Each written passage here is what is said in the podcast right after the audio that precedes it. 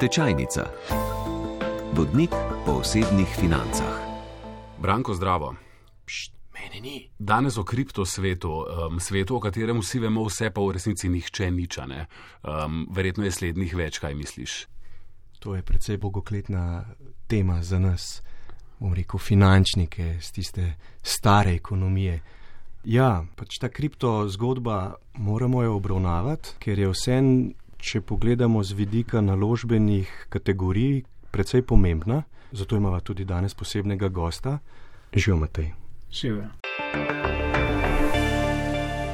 Moje ime je Matej Tomažin, pri ekonomiju pomagam graditi zelo, zelo zanimivo zgodbo, ki upam, da bo ponudila oziroma že ponuja zelo zanimivo storitev in to je, da na enostaven način vstopiš v ta svet kripta. Bodi si z nakupom ali pa z enostavno investicijo in prepustiš se svojim ali pa izbranim ekspertom. Kriptosvet. Večina misli, da o njem ve vse, ampak to še zdaleč verjetno ni res. Ne? Govorim zdaj o lajični javnosti, o tistih, ki so bili najbolj glasni takrat, ko je Bitcoin najbolj znana valuta leta v nebo. Seveda, lajična javnost je zmeri izpostavljena medijem. Mediji so to zgodbo povzeli takrat, ko je bilo največ uh, zanimanja, takrat, ko so v gostilnah bile te razprave. In že iz borzne psihologije poznamo ta fenomen, da ko ti frizerka priporoča nekaj, se omakneš. Da je že neka rdeča zastava. Ampak človeštvo ima nenehno upanje po bogatenju in seveda stavi v napačnem času. Kakšno je zdaj, recimo, ko ni toliko uh, v medijih in v javnosti ta kriptosvet, kakšno je življenje v kriptosvetu zdaj? Če iz tega izhajava, iz te teze, je sedaj lih ta prav čas, da se razišče um, ta svet, da se mogoče skoči v vodo in da se ga ne samo opazuje strani oziroma z brega.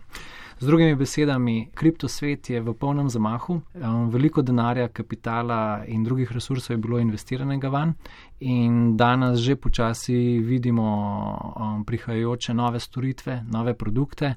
Že sama najava od Samsunga, da bo imel kriptodenarnico v svojih telefonih, govorice, da bo Facebook imel svoj kovanec, dejstva, da so že določene trgovine po Ameriki, tudi po Sloveniji, že sprejemajo kriptovalute kot plačilo.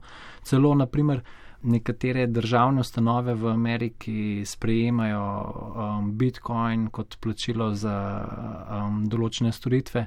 No, vse zadnje pa tudi Japonska, ki je uvedla Bitcoin kot uradno valuto. No, ampak ja, gremo nazaj, ne? se pravi, ti razlagaš, ja, se pravi, kriptovalute kot neka plačilna sredstva, to je vse ok. Ne? Tega se ne na zadnjo vsi nadajamo, ker je zelo uporabna reč. Ampak danes bomo bolj kot ne obravnavali temo naložbenja v te zadeve, ne se pravi kriptožetone od Bitcoina, Bitcoina uh, nadalje. Ponavadi se, ko se soočamo z neko naložben, naložbo, naložbenim razredom, najprej poprašamo, koliko je smiselno, ne dolgoročno investirati v to zadevo. Zdaj pa, če se mi dva, ne kot predstavnika analitske struje, vprašava, kako pravzaprav sploh vrednotite en, enega od teh, ne vem, kaj so to tokni. Ne? Se pravi, ok, koliko je realno Bitcoin vreden. Se pravi, če gremo mi po nakup neke delnice, ki kotira na neki borzi, ljubljanski borzi, katerikoli drugi približno vemo, ne, koliko je vredna, glede na, glede na panogo, glede na ostale um, delnice iz, pod, iz branže, iz podobnih podjetij in tako naprej. Imamo neke temeljne tehnične analize. Kako pa povrednotiti, recimo, en Litcoin ali kako se mu že reče? Dejstvo je, da ceno določa trg. In včasih tudi ne rabiš v bistvu imeti v zadnji tega finančnega vrednotanja, um, dokler je pač neko zanimanje. Ne. Um, zdaj pri kriptovalutah v bistvu se tudi uh, potem lahko gleda uporaba lete, na kakšen način je upeljana ali pa kakšna uporabna vrednost sledi iz njene uporabe. Nekje je videna kot, um, rečemo, kot nek kupon ali pa kot neka vozovnica ali pa kot nek žeton, da lahko pristopiš k določeni storitvi. Nekje je vezana na uporabo drugih storitev in podobno.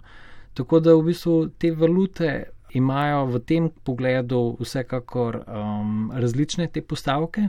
Če se pa vrnemo naprimer k Bitcoinu, je pa tukaj zgodba relativno enostavna. Bitcoin kot tak ponuja um, zelo dobro dispozicijo v smislu digitalnega zlata in je lahko v bistvu kot hranilec vrednosti, lahko je tudi kot plačilo, lahko je tudi kot um, nek nov naložbeni razred, ki do zdaj po statistiki sodeč ponuja malenkostno drugačno korelacijo uh, z drugimi naložbenimi razredi. Zdaj, za vlagatelje to pomeni, da če se spomnimo tistih osnov, ko vemo, da je dobro imeti pivo v roki, če je sonce, pa dežnik, če dežuje, ne, je za vlagatelje tudi dobro imeti različno korelirani naložbi zato ker je v bistvu povprečje donosa v bistvu nek uravnoteženo gibanje ob manjšem riziku. Ok, jaz zdaj predlagam, da poslušamo anketo, ki jo je Vita posnela med mladimi ljudmi, za katere se mi zdi, da so morda bolj dovzetni za take novosti, kot so kriptovalute, pa poslušajmo, kaj so povedali um, o svojem zaupanju pravzaprav v ta svet vlagala v njih, če bi mogoče malo prej vedela za njih. Polk je bila star že nekako nahajpana, se mi je zdelo, da takrat sem v bistvu šele zares razumela koncept in zato se pa takrat nisem odločila. Če bi bila bolj na začetku zdrava, če bi bila na začetku razumela stvar, pa ja, definitivno bi kaj malka dala noter. Zgubil sem 700 evrov. Mislim, da bo še zmeraj uspel, ampak je pač odvisno od tako vsake stvari, koliko je tega adopcije ljudi. Pač. Več ljudi, ko vlaga, več so vredne. Tako kot vsaka stvar ne podpiram.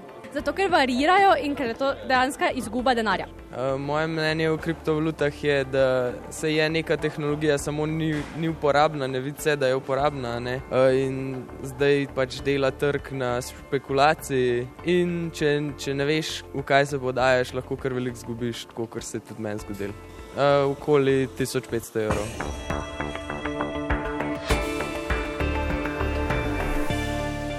Ja, te izjave so bile jasne. Tudi vemo, da vsaka inovacija zmeraj naleti na nek odpor. Zmeraj.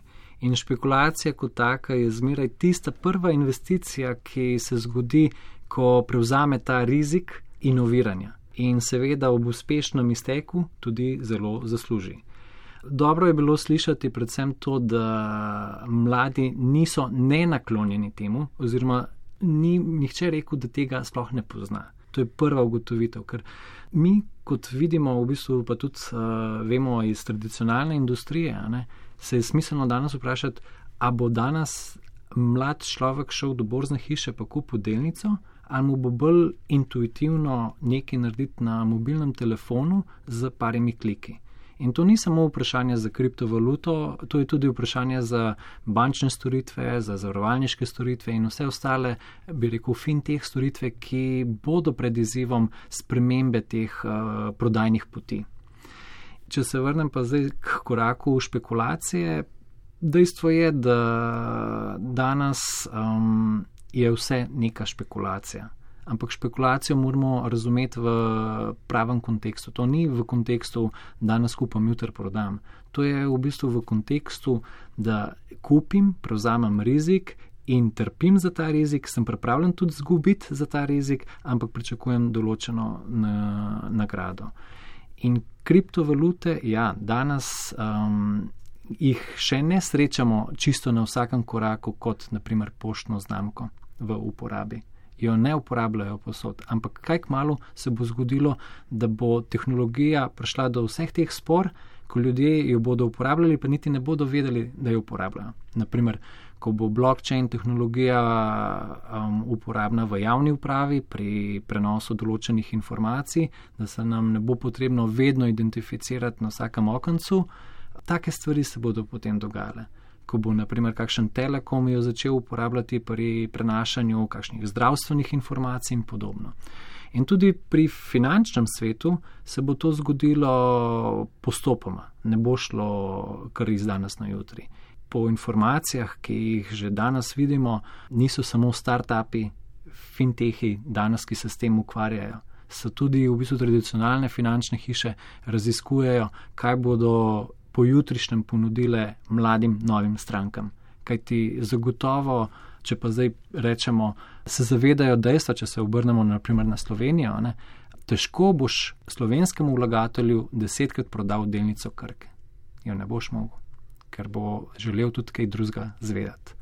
In tukaj je potem prostor za vse te inovacije. Tisti, ki danes želi recimo vstopiti v kriptosvet, kako začne? Zelo enostavno. Greš na spletno stran, kjer je možno kupiti uh, Bitcoin. Recimo na Bitstamp. Ne? Rečemo na Bitstamp, okay. lahko tudi na Economy. Opraviš identifikacijo, nakažeš denar, stisneš nakupni znakac in to je to. In potem pride heker in ti plune vse skupaj. Ja, se je to, kako varna je stvar. To se malo za šalo, malo za resno, ampak jaz pa kar za res. ja, to se dogaja, ne? to se te, delno dogaja, no in to bi mogoče tudi zdaj odprlo to vprašanje. Seveda, te koncepti v bistvu odgovornosti hrambe so pa malenkostno drugačni. Se pravi, Bitcoin ali pa kriptovalute, revolucija se je začela tudi s tem, da se izuzame posrednika kot takega. Um, v današnjem tradicionalnem svetu, ko ti kupiš delnico, le ta v navednicah počiva pri, v centralnem registru. Bitcoin ali pa v kriptovalutah, ko ti kupiš neko kriptovaluto, sprva ta valuta počiva na tej menjalnici ali pa borzi, kriptoborzi, potem je pa od tebe odvisno, kam jo boš premaknil. Lahko jo k sebi premakneš in imaš ti odgovornost te hrambe. In tukaj je ta koncept malenkostno drugačen, ker vemo v bistvu, da je ta del relativno kompleksen, se ljudje dosti krat ne odločajo za to, puščajo svoja sredstva na borzah um, ali pa na menjalnicah in to je izpostavljeno določenemu riziku. Riziku, ki se zgodi lahko na različnih nivojih. En je ta, naprimer, da ti nekdo ukrade identiteto, pa ti naprimer, shekira tvoj e-mail račun, pa z lažno identiteto prodati bitcoine, pa nakaže kam drugam sredstva. Lahko se zgodi, da ti tatovi napadajo prav menjalnico, pa jim tam ukradajo določena sredstva in podobno. No, ti si sicer protagonist te zgodbe, jaz se tudi čisto pozdravljam, super, vsi se spopadamo, soočamo z njo tudi, bom rekel, tradicionalni plejeri, borze, um, centralni registri in podobno, tudi v Sloveniji. No, ampak ravno te problemi, ne, se pravi, zaenkrat je ta kriptosvet pravzaprav bolj kot ne neko igrišče za rite, se pravi, za posamezne igralce. Ni pa prisotnih nekih institucionalnih, velikih, resnih igralcev, a so. Deloma so že, okay. je pa res, da eksperimentirajo z manjšimi vsotami. Dobivamo signale, da tudi uh, tradicionalne finančne institucije uh, že so v postopkih um, ali inoviranja ali pa pridobivanja licenc za pokrivanje tega področja. Uh mhm. -huh. Tako da v bistvu, če pomislimo malenkost daleč, ne, se prekastaj se bo to na nek način zgodilo. Združili. Ja, ta dva svetova se ta združila, to definitivno vemo vsi. Uh, No, tebi se dogaja, ko spremljaš, ne, da tradicionalci hodijo na tvoj teren, nam kot borzi, oziroma ne, nam tradicionalcem se dogaja pa kontra. Se pravi, da imamo pravzaprav popraševanje z druge strani, ne, da vse tiste, če rečem, resne firme ali pa večje firme, ki so uspešno upravljale ta ICO, se pravi, zbrale denar preko kriptožetonov v vašem svetu, nekako začnejo naslavljati svoje potencijalne delničarje oziroma to svojo infrastrukturo, ustroj lastništva, kakorkoli. Um, skozi str sistem, se pravi, da bi se zadeve upisale v stare registre, da ne bi prihajali do, do potencijalno teh kraj zlorab strani hekerjev, da bi bilo to vse nekje malo bolj varno zaprto, se pravi, pakirano, zapakirano, parkirano in pa da bi se pravzaprav skotirale na, sta, na, na, na stare sisteme borzne, ne? se pravi ne v te kriptoborze, ne? kjer pravzaprav se sploh ne smeš, če imaš nek token, ki ima značilnosti delnice, ampak da bi šlo v kontrasmer. Se pravi, očitno smo zdaj v neke te sivi coni, kjer se dogajajo obe smeri, ne? so pa še vedno to zelo v povoju. Tukaj si morda te ključni igravci, ki smo v Sloveniji zelo želimo, da bi kle Slovenija naredila nek, z neko svojo inicijativo en korak Pred ostalimi pa bi se mogoče tukaj izkazali z nekimi komparativnimi prednostmi, ki jih vsekakor imamo, tudi vi kot ekonomi ste zelo, bom rekel, mednarodno gledano pomemben igralec, Sloveniji pa sploh, tako da Jaz mislim, da tukaj je en tak teren, ki bi ga lahko mi kot finančna rekel, družba oziroma pač um, industrija lahko naslavljali skupaj. Oziroma, kaj praviš? Komentar je v bistvu posebno na mestu v smislu, manjša kot je država, hitreje se lahko prilagaja vsem. Če je interes. Ja, če je interes. Zavedati se moramo, da Slovenija je znotraj EU-ja in pod rečemo nekim dežnikom evropskih regulatorjev. Ti evropski regulatori še dan danes niso podali čez dokončnega stališča, kaj in kako. Um, tako da v bistvu lahko razvijamo, lahko se prilagajamo, če bo končna instanca rekla malenkostno drugače, se bo treba prilagoditi. Um, kar pa še ne pomeni, v bistvu, da se ne sme inovirati. Jaz mislim, da je dober prostor za to, da se ljudem ponudi um, različne stvari in da tudi um, na nivoju finančne rečemo, inovacije kot Slovenija, ki pa je de facto v tem, kako rekel, um, kapitalskem trgu, se ni razvijala tako, kot bi si vsi želeli. Ma tukaj določeno prednost že če pogledamo čez mejo, smo imeli mi več kripto nekih začetnih zgodb, kot pa Hrvaška, več kot pa Avstrija, več kot pa Italija. Tudi začetki so bili zelo optimistični, tudi strani vlade je bilo veliko obljub, ampak potem je zmeri stvar realizacije. Se pa tukaj tudi pozabi povedati, da to je bil svet uh, startupov in vemo, kakšna statistika je tukaj. To ni primerljivo z že razvitim svetom delovanja podjetij. Se pravi, to so podjetja, ki v začetni fazi nimajo denarnega toka, nimajo še v bistvu produkta, ki bo kar prinašal denar in podobno. Ne. In seveda posledično je ta statistika na koncu tudi obstala in je veliko teh podjetij pač zaprlo vrata, um, nekatera smo se mal prilagodila um, in podobno. In tukaj, zdaj kako naprej, ne, um, definitivno treba je raziskovati, treba je tudi videti, kje je povpraševanje. Ker, naprimer, če pogledamo druge države, lahko vidimo, naprimer, Malto, ki je leta 2017, pa dobro še 2018, bila zelo pihala v ta rok uh, blockchaina, danes več tega ne počne. Danes govori o umetni inteligenci. Naprimer, Se pravi, pridejo ti valovi interesa in na koncu pa šteje samo tisto, kar je realizirano. Kje pa so danes največji kriptovirniki, recimo na svetu? Uh, zelo različno. Um, veliko zanimanja je v Aziji, veliko zanimanja je tudi v Evropi in veliko zanimanja je tudi v Ameriki.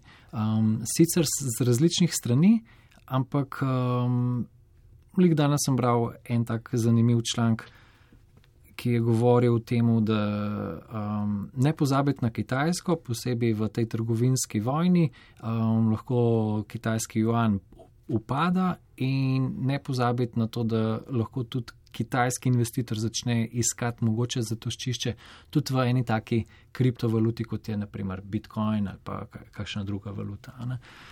Vemo tudi, da so karakteristike narodov različne, naprimer uh, Azic ali pa Južnokorejc je zelo nagnen k tveganju, pa zelo rad v bistvu v navednicah um, kocka. Ja, ja, okay. um, in kriptovalute so pa idealno igrišče za to, ker so ponujale nenehne uspone pace.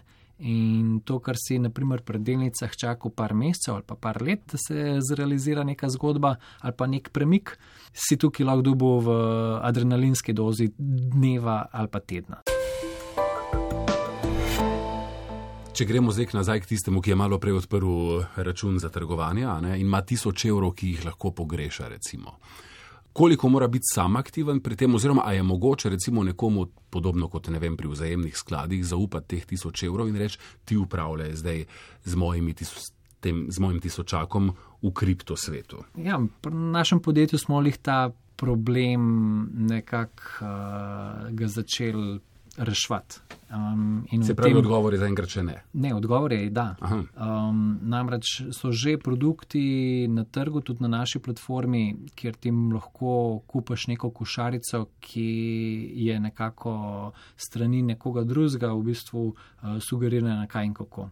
Dejstvo je, da veliko vlagateljev pristopa zelo po istih kupitih. Se pravi, ko nekaj kupi, kupi tisto, kar pozna. In v tem primeru so to kovanci, ki so najpogosteje omenjeni, ki so tudi posledično največji. In to so dosti krat uh, začetne pozicije. Tudi, ko smo bili v Sloveniji, ko si prišel na borzo, prva delnica, ki si jo kupil, ni bila droga kolinska ali pa kolinska svoj čas, ampak je bila krka ali pa petrol ali pa pač ta blue chip. a. In tudi znotraj kriptosveta so tako imenovani blue chipi. In s tem se začne. Potem je pa zelo odvisno od osebe, ali to spremlja, ali ne spremlja, ali se to poglablja, ali je to sam nakup, pa bo pozabil. Kajti takih je bilo veliko vlagateljev. Že od samega začetka je bilo veliko vlagateljev, ki so podprli idejo Bitcoina, so mogoče celo ga rodarili, se pravi na nek način ga pridobivali, pa so pozabili, pa danes mogoče niti ne vejo, kje se jim nahaja neko veliko premoženje. A pa recimo podobno kot pri ne vem, neki košarici delnic, vzajemnih skladov in tako, kot smo v eni od prejšnjih oddaj ugotavljali, da lahko rečemo, da je, bo donos šest odstoten, a ne se pravi, na dolgi rok bomo nekaj zaslužili. A obstaja kakšen, ne vem, verjetnostni izračun pri kriptovalutah, če jaz zdaj vložim tisoč evrov, koliko bom na leto zaslužil ali izgubil? Obstajajo samo predvidevanja v smislu mnen. Tukaj gre za čisto, kako rekel, makro pozicijo pač uporabe te tehnologije, pa apliciranja to vrstnega investicijskega razreda v, k investitorjem. Vkolikor bo interes prevladal, zanimanje raslo, bodo vrednosti rasle, posebej tistim valutam, kjer je omejena emisija. Vkolikor se bodo nove zgodbe pojavljale, se bo lahko kapital tja selil, pa bodo lahko te obstoječe um, upadle. Tako da je zelo težko reči, um, zagotovo se bo nekaj zgodilo. a Ne? Ker že vemo iz tistega filma, ne? zagotovo so sam davki pa smrt. Tečajnica. Prej si omenil, da je v bistvu ta kripto scena oziroma pač uh, kriptovalute nekako niso povezane z tradicionalno ekonomijo tako zelo. Kaj pa v primeru te naše trgovinske vojne, ki jo tako zelo upevamo, ne tudi v teh naših tečajnicah, in če Kitajci slučajno res prekinejo dobavo teh redkih kovin oziroma redkih zemelj, kako bi pa to vplivalo na celo sceno? Vsaka taka stvar vpliva zelo kompleksno. Zdaj, kriptovalute v tem kontekstu so pa lahko uh, tudi en za tak zanimiv primer, ker zaenkrat ne vemo, kaj se bo zgodilo. Lahko bo to tisto varno zatočišče, lahko bo podobna relacija ali pa razmišljanje vlagateljev, a zdaj pa iz bolj tveganih naložb gremo v, v denar, pa se bo to zgodilo. Tako da to je težko napovedati. Ne. Verjetno pa bo precej nihanja. Vsaka informacija, ki pride na trg um, in ima nek pomen, bo zanihala. Ne. Um, posebej pa v kriptoindustriji, kjer ta tržna kapitalizacija oziroma vrednost vseh valut ni tako velika in se vsakih, rečemo, deset ali pa sto ali pa rečemo ena milijarda konkretno pozna. Pogovarjamo se o kriptovalutah, ne? ampak pravzaprav že sam si preomenil, da gre tu večinoma za nek start-up svet, ne? ko so pač start-up podjetja um, zbirala denar preko, preko tega sistema.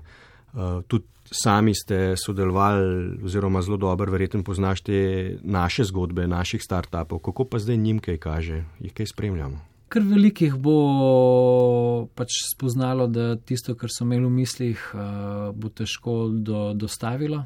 Ker sam pač uh, zgodba startupa, vemo, da ni samo ideja, je tudi ekipa, je tudi timing, je tudi trg in vse te, se pravi, teh uh, možnosti, um, da ti ne rata, je um, zelo veliko in zato je tudi statistika tako kruta. Bi pa rekel, da kriptovalute danes um, v osnovi tisti interes ali pa tisto zanimanje bolj leži v infrastrukturi, kot pa v teh start-up zgodbah. Ne. Start-up zgodbe v bistvu imajo to statistiko, ampak tiste infrastrukture, bo, pa, če se bodo začeli uporabljati na tak način, da bodo res vsi, tudi vse institucije začele to uporabljati, tam je pa lahko. Ta potencial bistveno, bistveno večji. Ne? In tudi ni primerljiv, ne, ne smemo to mešati. Ne? Čeprav je isto področje, ampak eh, gledano tudi iz eh, vlagateljskega vidika, to sta dve različni zgodbi. Se pravi, če bi rekel nekdo, ki hoče kupiti Ethereum, ali pa nekdo, ki hoče kupiti že to nekega podjetja, ki ponuja neke storitve ali pa proizvode, to sta dve različni zgodbi. No, vse to je. To sta dve različni zgodbi.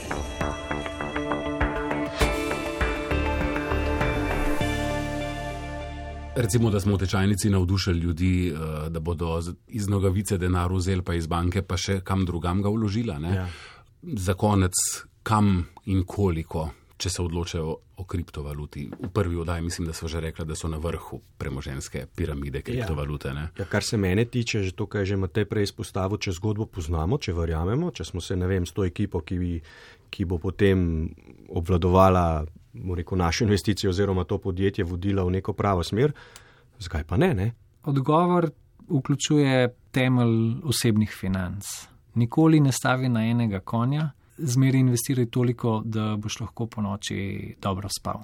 Se pravi, da ne tvegaš preveč, kolikor ti želodec ne da. Zdaj, kam investirati svoje prihranke, je seveda stvar posameznika in njegovega odnosa do tveganja komu je to blizu, pa bo lahko se več izpostavil, neko, nekdo pa to ne bo niti z manjšim delom. Priporočilo je definitivno v smeri uh, raziskovanja, odkrivanja in spoznavanja. Se pravi, najboljša investicija je itek investicija v znanje in ni ga bolje kot uh, skočiti v vodo, videti, se naučiti, ampak to ne pomeni um, v prvi vrsti z takim delom premoženja, da nas bo glava bolela, ker ti Bitcoin lahko, ali pa Ethereum, ali pa kakšen drug kovanc lahko kupite tudi za samo 10 ali pa 100 evrov. Se pravi, ni potrebno, da vas bo glava bolela, če se bo izkazalo, da slučajno to ni za vas naložba. Ampak kako aktivni naj pa bomo potem, ko damo recimo teh, ne vem, 100 evrov v Bitcoin? Recimo Bitcoin zraste za 20 odstotkov, prodamo pa čakamo, da bo spet padel, ali naj pozabimo na ta denar? Mislim, da tukaj je spet stvar posameznika. Nekdo bo želel se s tem igrati, v smislu trgovati, kupiti, prodati, kupiti, prodati. Um, Warren Buffett je pa doskrat povedal, da če ti kupaš trg, pa ga držiš nekaj časa, boš kar bolje naredil, kot pa večina teh, ki se. Igra, kupi, proda, kupi, proda. Um, ne smemo pozabiti, da petkrat zadanemo in enkrat svalimo, in ta svalimo lahko poradira za vse za nazaj. Te emocije, te psihologije pa veljajo za vse trge enako. Od, bi rekel, rečemo, avtomobilskega trga pa do finančnega trga. Skratka, ker nas ta emocija prevzame, nas lahko to zelo košta. Koliko ne bomo pa, rekel, požrešni, ne? ko bo Bitcoin spet 25 tisoč dolarjev, ali naj čakamo, da bo 100 tisoč, kot so rekli, da enkrat pa bo, ali rečemo takrat dovolj je, ja, lepo sem zaslužil. Se to je tudi spet um, to razmišljanje osebnih financ. Ko nekaj zraste, lahko se odločiš, da pobereš osnovni vložek, fan pa operiraš samo s profitom, pa daš glavnico naprej drugam. Tako da osebno verjamem, da bo teh um, dilem kar veliko. Zgodovina nam pa govori, da začnemo z malo, ko dobimo zaupanje, naložimo še več ko bo frizer govoril, bomo pa si še kaj sposodili, in potem bo prišel padec in nas bo vse bolela glava. Ne? Tako so krivulje, ponovadi v finančnih svetih. Ne? Kar pomeni, če se vrnemo v kakšno tako smešno analogijo, ne, da ovce so zmeraj tako postrižene, um, kot se pač govori v finančnih terminih, ker se brez glavo podajo v določene stvari. Investicijski plan je smiselno imeti tudi pri tem investiranju, pomeni, da lahko investiraš določen znesek. Dobro je, da veš, kdaj boš uh, kaj unovčil, pri kakšnih mejah. Je pa to tudi zelo relativno. Kaj ti veliko prvotnih vlagateljev v Bitcoin ali pa v kriptovalute se mogoče da na stepe, zato ker so zaslužili sicer zelo velik, niso pa zaslužili zelo ogromno. Um, zelo malo jih je zadelo. Ste vi zadeli? A? Jaz imam družino, sem zadev. Tečajnica, vodnik po osebnih financah.